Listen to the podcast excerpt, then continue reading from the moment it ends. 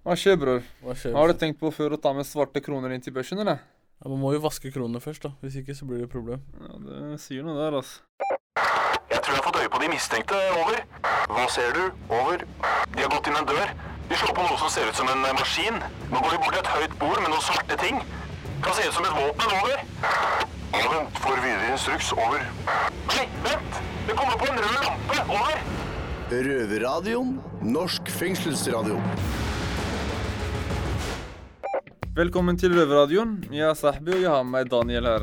Yo, yo. I dag skal det handle om dop, penger, krim og finans. Riktig, fordi vi får nemlig besøk av selveste regissøren av Exit, Øystein Carlsen. Hva er Exit? Exit, nei, det er en serie som går på NRK, da. Det er en serie angående finansfolka, hvordan de lever og penger, Folk med masse penger, rett og slett, som gjør hva faen enn de vil. Og ikke bryr seg om hva andre tenker, og at de tror de er mer verdt enn alle andre, da. Ja, hvordan tenker du det kommer til å gå? Nei, jeg vet ikke. Jeg får se. Altså. Jeg er litt spent til eh, hvor han kom, eller hvordan han fikk ideen og sånt da, hvor, til å lage serien og sånn. Han har sikkert masse spennende historier. Ja, ja, så det blir bra å ta en prat med han, altså. Ja, da bare kjører vi på, da. Yes. Eller hva?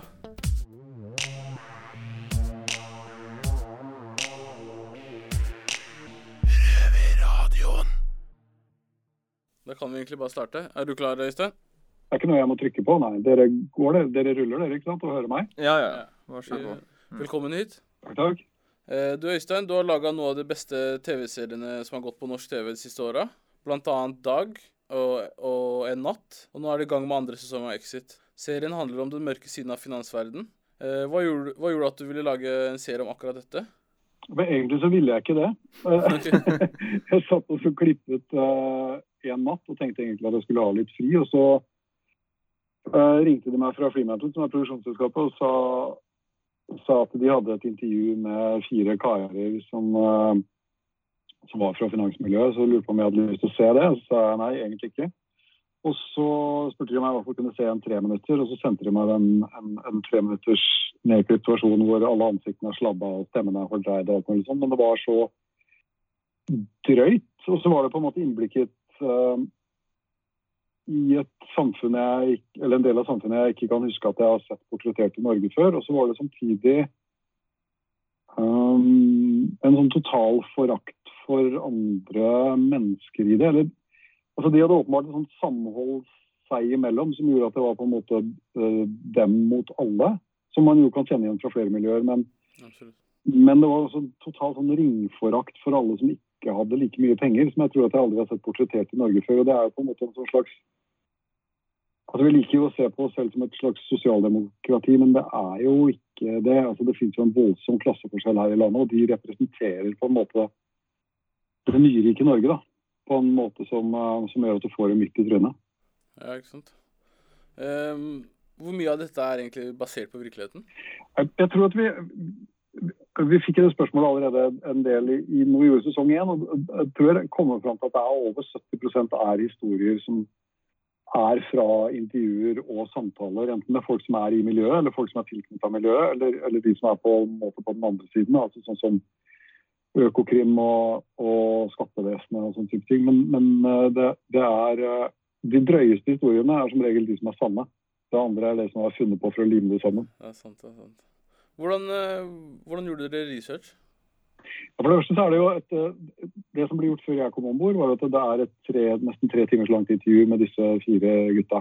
Ja. eh, På et uh, chamber separé på et hotell, der de sitter og, og drikker en del champagne og tar en del cola. Og, eh, og helt uh, overhodet ikke bryr seg om at det finnes kameraer til stede.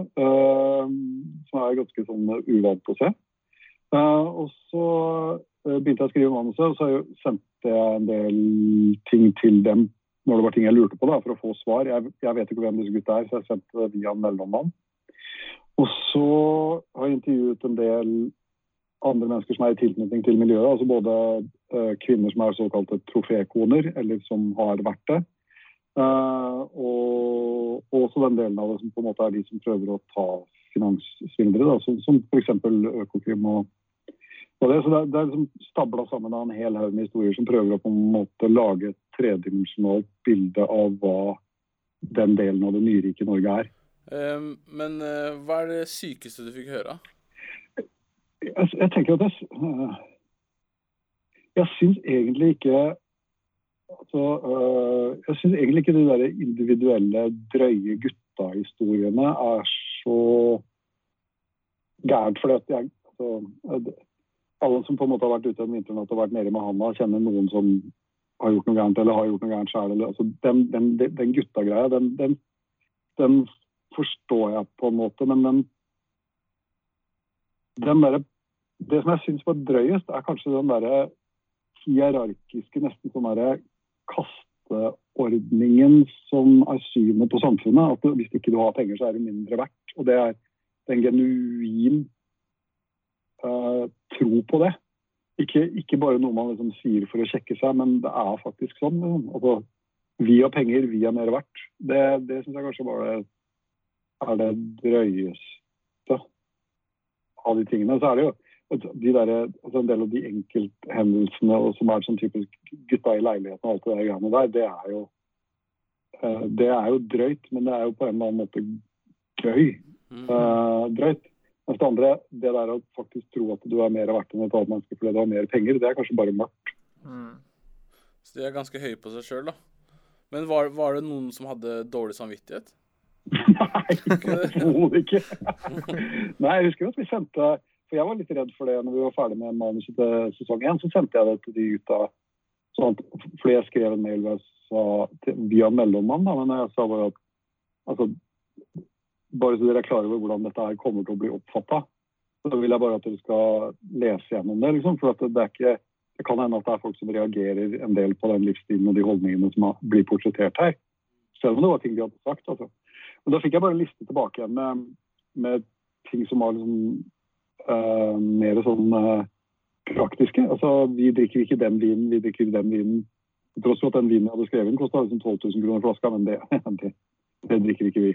Så fikk jeg en sånn liste med andre viner som de ville kjøpt, da, som var sånn 40 000 kroners viner. Og så var det Nei, du, vi bruker ikke uh, vi bruker ikke Amex Platinum, vi bruker Centurion.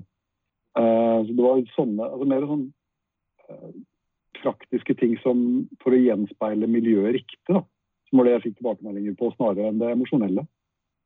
Og Det er jo topp, det, at de står for hvordan de er. Er Ingenting er bedre enn det. Men eh, i hvor stor grad er karakterene basert på virkelige personer, eller? Ja, de er jo det. Altså, det starta med disse fire gutta. Også. For at ikke de skal være gjenkjennbare, så har jeg liksom tatt karaktertrekk fra alle de fire og så blanda de sammen. Da. Så ikke det skal være én til én noen som går rundt der ute som man skulle si at det er deg eller det er deg. liksom. Uh, og så har, jeg intervjua tre Til første sesong intervjua jeg tre kvinner som var i det miljøet. Nå i andre sesong har jeg intervjua ytterligere seks. Og så har jeg sendt alle manusene til Økokrim, bare for å liksom få en sånn uh, forståelse av er det riktig den måten vi portretterer det på, sett fra deres side. Liksom. Så vi har prøvd å være vi har prøvd å gi et nyansert bilde av det som er virkelig, og de historiene som er virkelig. Og så, så er det selvfølgelig fiksjon innimellom for å få dette til å bli en story man har lyst til å følge med på. Det er jo ikke en dokumentar. det er jo ikke, Vi er jo her for å underholde, men men vi er her for, å underholde med en rot i virkeligheten av det som på en måte er, er en del av Norge i dag. Da. Som kanskje er det som gjør det mest um, Til å begynne med, i hvert fall som en sånn inngang som seer, gir deg en sånn Oi, jøss, dette visste jeg ikke um, var en del av samfunnet vi lever i som vi tror er veldig alle er like. Mm. For det er vi jo ikke. Det er ikke noe likhet for loven hvis du har penger nok. Men uh, hvor uh, utbredt er dette egentlig? Uh, handler Exit om noen få folk som ikke klarer å oppføre seg, eller? Ja, jeg tror definitivt ikke dette her er hele finansmiljøet. Altså, Trygve Hegnar gikk jo ut og sa at dette har aldri eksistert, men det tror jeg er bare fordi Trygve aldri ble bedt på fest. Mm. um, så det er, men at det er, det er, en liten del av et miljø som, som eksisterer. Det som gjør det miljøet kanskje mer interessant da, enn en del andre Eh, er jo at de har nesten ubegrensa med penger til å én, både kunne fasilitere det livet, men to også komme seg unna med det. Mm. For det er jo ikke, eh, det vet jo dere sikkert det er dere sitter, men det er jo ikke noe likhet for loven hvis du har nok spenn. Ja, sant. Men uh, hva syns du er verst? Det, det som Exit-mannfolka gjør? F.eks. svindle seg millioner, eller som, som vi sitter for, da, f.eks. salg av narkotika? Jeg tror at uh, Jeg tror jo at det nesten i, Og ikke bare i Norge, men i alle vestlige samfunn er de som ikke har ubegrensede penger, det er de som blir tatt. Det finnes langt verre kriminalitet uh, for de som har veldig veldig mye penger. Jeg tror jeg sa i et eller annet intervju at, at du kan få ti år for væpna ran for å stikke av med 50 000 fra et postkontor, men hvis du svindler staten for 5 milliarder kroner i et skatteparadis, så får du i verste fall tre måneder. Liksom. Det er jo ikke noe likhet for loven når det gjelder de tingene der sånn. Um, det tror jeg ikke det er i noe samfunn. Men, men uh, i det jeg syns kanskje var mest fascinerende når jeg begynte å skrive det, er hva ville man gjort om man hadde så mye penger i en så ung alder? Altså hvis, du, hvis jeg, den 23, 23 år gamle utgaven av meg, da, hadde ringt kontofonen og hatt 50 millioner kroner på bok, og jeg aldri egentlig hadde vært nødt til å korrigere meg etter noen samfunnsnormer, hvem hadde jeg blitt da? Det syns jeg er ganske interessant, for jeg er ikke sikker på om jeg hadde vært så jævla mye bedre. Men eh, noen du har snakka med som Er det noen som du har snakka med som har blitt fengsla, eller har alle sluppet unna dette? Nei, alle disse som vi eh, hold, har portrettert, har sluppet unna med det og, og holder definitivt på med det den dag i dag. de altså. Mm. Og det er jo det som den sesong to handler om, nettopp innsidehandel, er at det er vanskelig å bevise. ikke sant? Altså, hvis vi tre sitter på en bar og vi driver hvert vårt investeringsfond eller har penger å investere, og jeg forteller dere at du om tre uker så skal selskapet mitt kjøpes opp av selskapet til John Fredriksen. Det kommer til å bli fire ganger så mye verdt. Og så helt uten at jeg oppfordrer dere til det, så går dere og så kjøper dere aksjer i mitt selskap for 20 millioner kroner hver. Hvem er det som skal kunne ta deg for det? liksom? Mm. Men det er ekstremt ulovlig. for Det er jo det som er definisjonen av innsidehandel. Men hvis du ser på hvor mange mennesker som har blitt dømt for innsidehandel i Norge i løpet av de siste 15 åra, så er det jo ikke mange. Ja, sant. Men eh, er det noe du vil spørre oss om, eller? Som jeg vil spørre dere om. Ja. Ja Tenker dere at dere skulle begynt med økonomisk kriminalitet istedenfor narkotika? Det hadde nok vært mer lønnsomt, for å si det sånn. Mm. Men uh, vi skal holde oss unna all kriminalitet, vi. Jeg tror, jeg tror nok det er det Ja, smarteste. Ja. Men hva tenker dere der dere sitter når dere ser For dere har sett Exit eh, mens dere har sittet der dere er, ikke sant? Ja. ja. Hva er det eh, for, Dere er jo i et ganske sånn guttete miljø. Ja. Vil jeg tro en av de mest guttete miljøene som finnes, kanskje bortsett fra en hockeygarderobe. Eh, tenker dere da at ja, men fy fader, det livet der kunne jeg godt tenke meg å leve litt? Ja, til en viss grad. Noe av det er jo veldig ekstremt, men uh, det er jo mye interessant der. Man ser jo likheter på visse ting, men det er jo Hva skal jeg si? Det er som du sier, mm, de har en kanskje litt annet syn da, på verden i forhold til å føle seg overlegen eller bedre enn folk, da. Så jeg, jeg vil si at det, det er noen, noen ting man kunne plukka ut derfra som man kunne levd sjøl. Ja, absolutt. Det tror jeg alle gutter kunne sagt. Mm. Det er jo det som er så fascinerende. at det, det på en måte For det tenkte jeg når jeg så det intervjuet med de gutta første gangen. Så tenkte jeg at det er jo en del av meg som er lik de gutta der sånn. Det er bare at de har bestemt seg for at de justerer seg ikke etter hva folk forventer av dem. For de har så mye penger at de bare sier fuck you. Akkurat. Det er, det er en ganske sånn altså, Jeg tror det er en, en replikk som Adam sier i sesong to, som er eh, altså som, som gutt da, så har ikke evolusjonen kommet dit hen at den genetisk sett har utstyrt med oss med det samfunnet forventer av oss.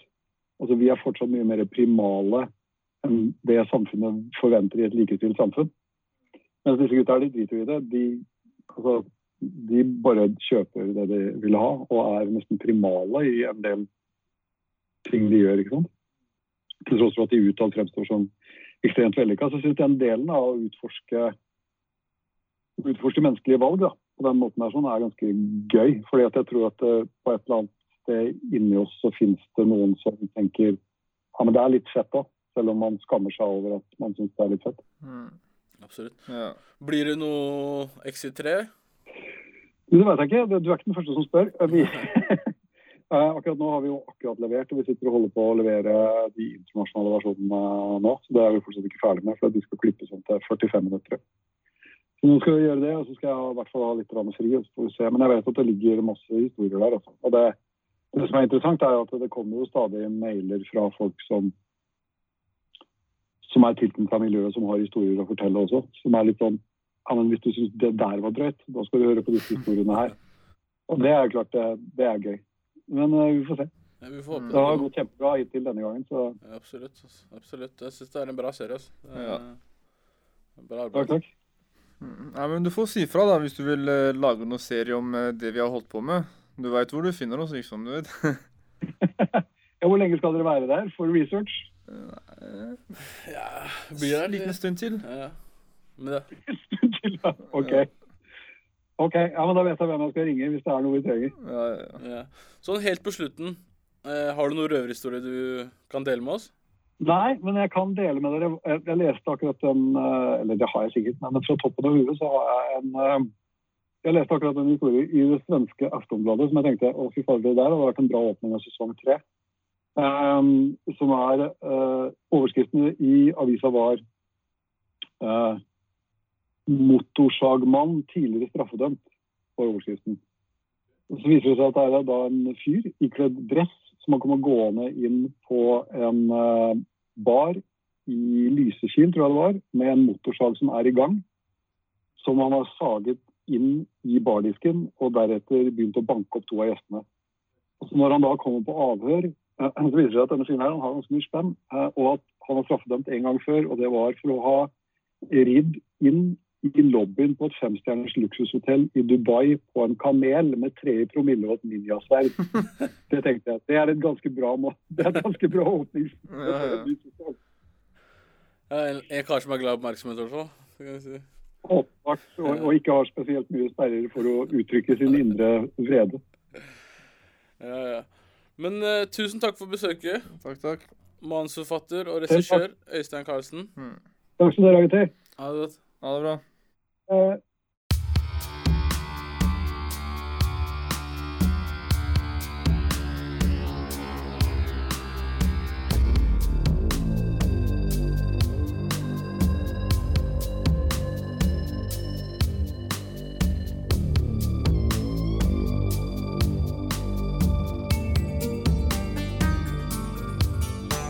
Ja, det var Øystein Karlsen.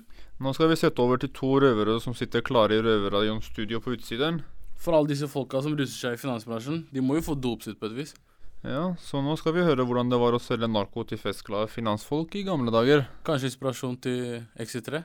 Ja, det hadde vært noe.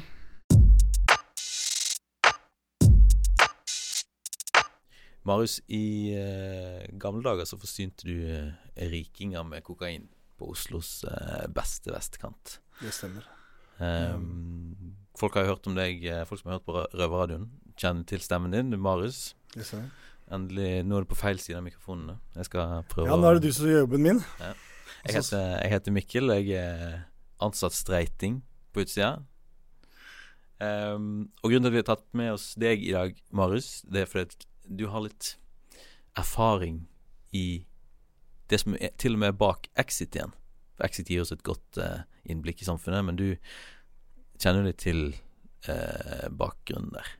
Ja, jeg vil si at Exit eh, er en måte å beskrive en liten del av eh, vestkant eh, sin måte å leve på, når det kommer til den russbiten og festinga og, og sånne ting. Og så kan jeg vel si at jeg var ganske inn i det på en annen måte. For du eh, var jo da eh, var i gjeng Ja. eh, på, i Tveita eh, før i tida. Ja. Eh, og da eh, hører jo det med arbeidsbeskrivelsen å selge litt eh, drugs av og til. Ja.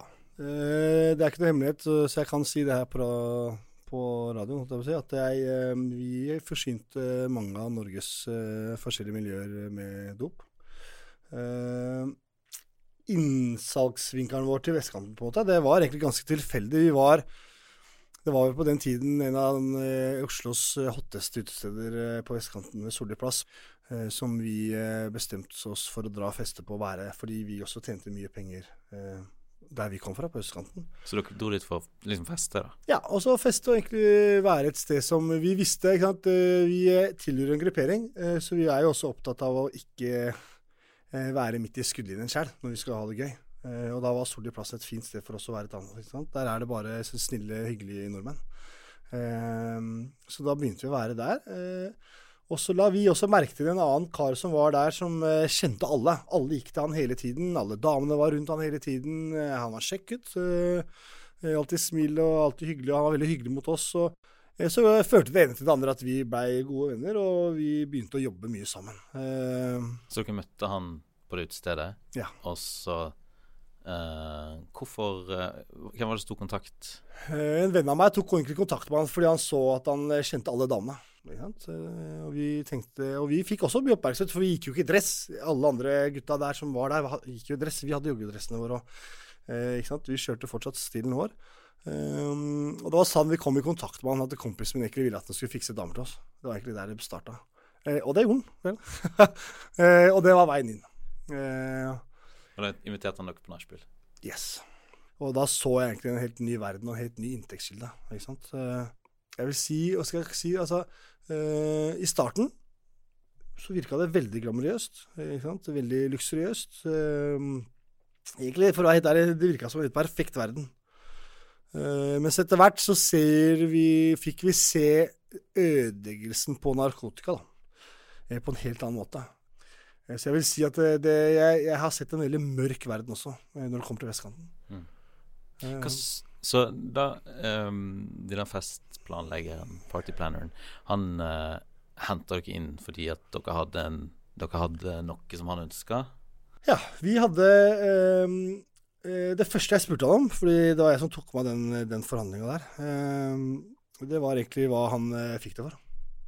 Og hvem fikk det? Eh, Han fortalte meg hvem han henta av. Han fortalte hva han betalte. Så sa jeg at jeg kan eh, gi deg det til halve prisen. Eh, og så forholder du deg bare til oss. Når vi sier det, så er det narkotika. Narkotika, så klart.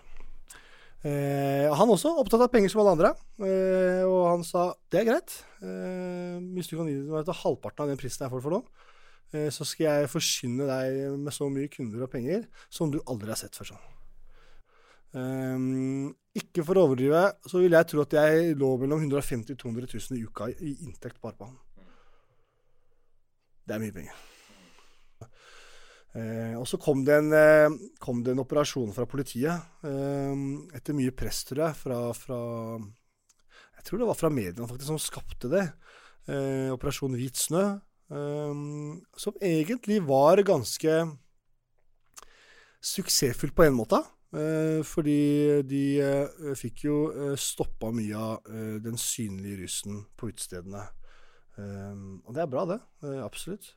Eh, det politiet ikke tenkte så mye på, eh, er jo da at eh, da forsvant disse eh, finmannsfolket, da. Ikke? Finmannsgutta. Eh, på lukkede fester. Ikke sant? Eh, og når du da har eh, altså du har så inngang til så mye penger eh, at, at du kan egentlig gjøre hva du vil.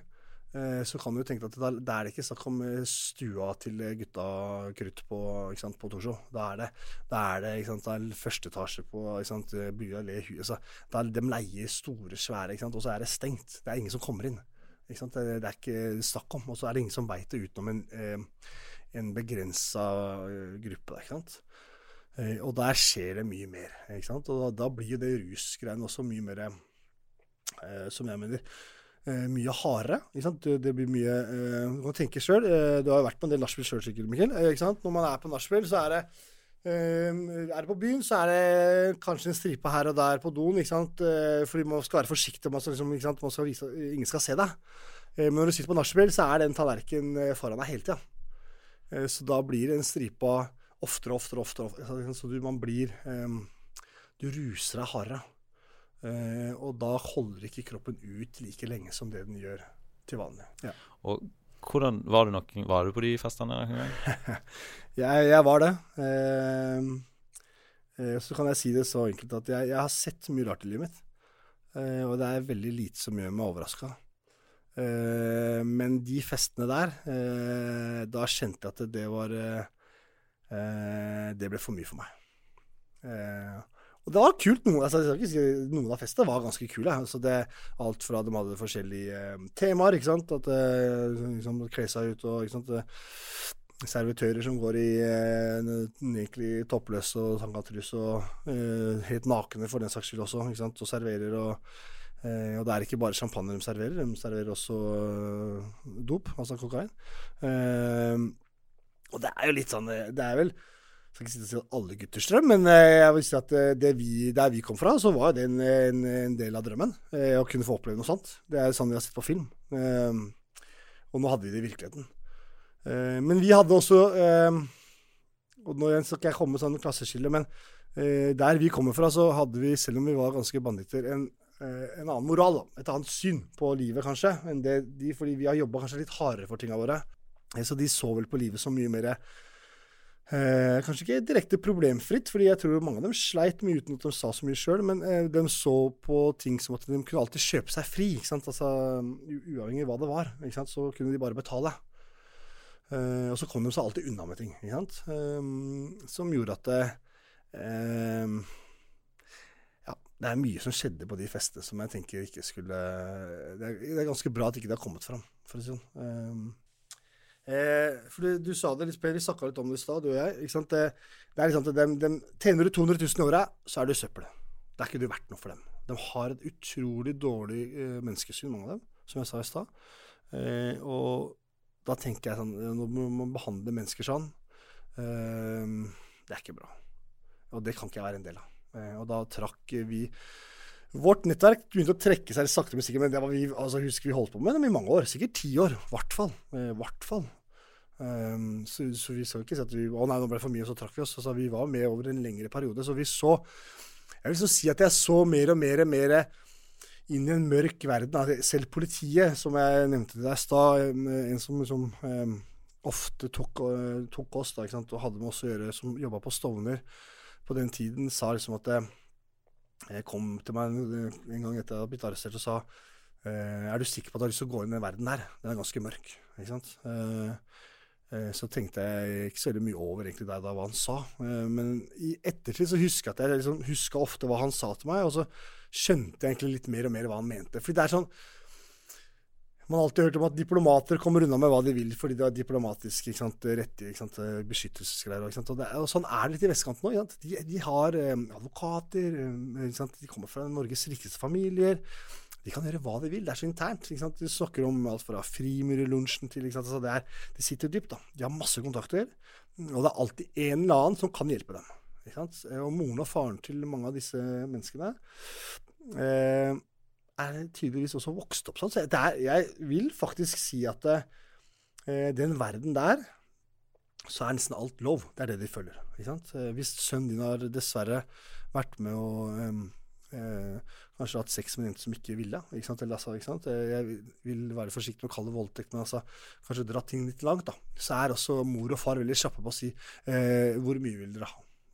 Hvor mye skal for at dere skal sette lokk på det her? Eh, Så det, det er ofte veldig mange episoder som blir satt lokk på uh, i det miljøet der. Eh, Som gjør at jeg tror også politiet er slitt i, i mange år for å komme inn der. Fordi det som er en greie som Exit også viser pent, og som jeg kan også forklare mennesker, at de, de sier at vi kriminelle er flinke til å leve et dobbeltliv.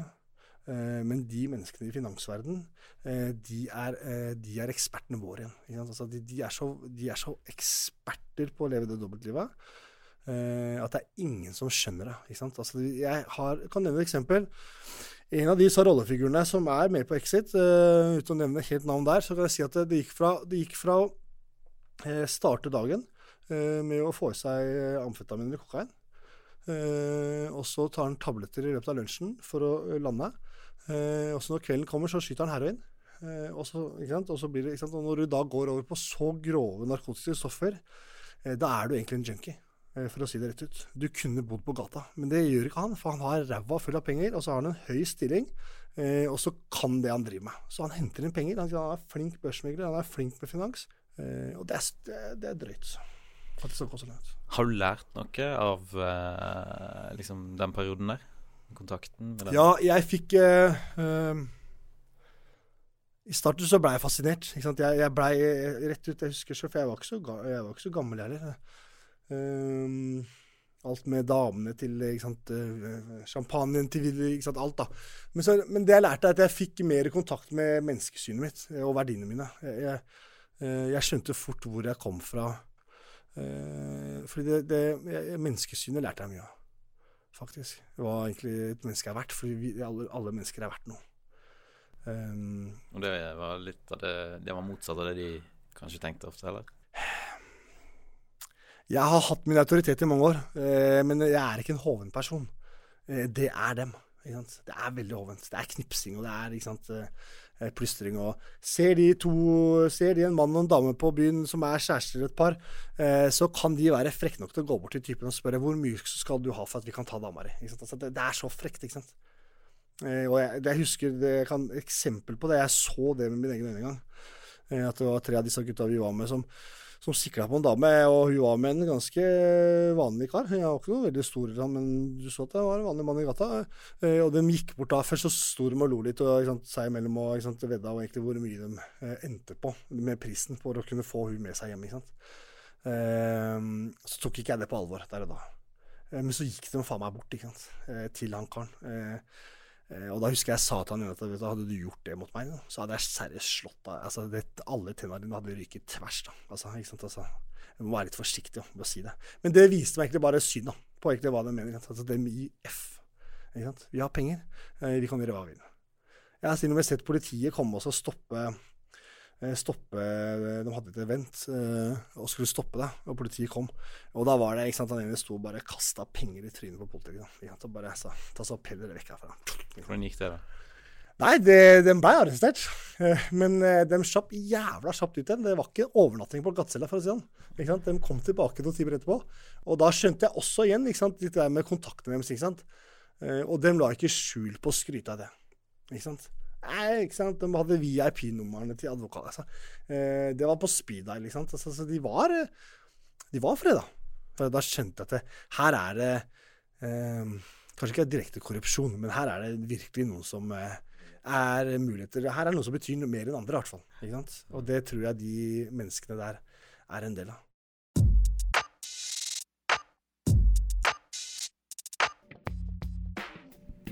Har du noen tanker om hva penger gjør med folk? Ja, det er jo folk eh, syke i hodet, da. De tenker at penger kan eh, gjøre alt for dem. Og tror at de er mer verdt enn andre, som eh, vi fikk høre i dag. Så det er jo litt synd at det skjer, ikke sant. Men du har jo kanskje sett hvor mye penger som kommer og går ganske raskt. Ja, det gjør jo noe med en. Man ja. ja. får litt andre alternativ, for å si det sånn. Mhm. Så går det plutselig fort ut av sporet. Ja, ja, det er Begynner med dop og Plata og plomo, er det ikke det de sier da? Ikke sant. Hva tenker du om uh, det vi fikk høre fra Øystein i dag, da?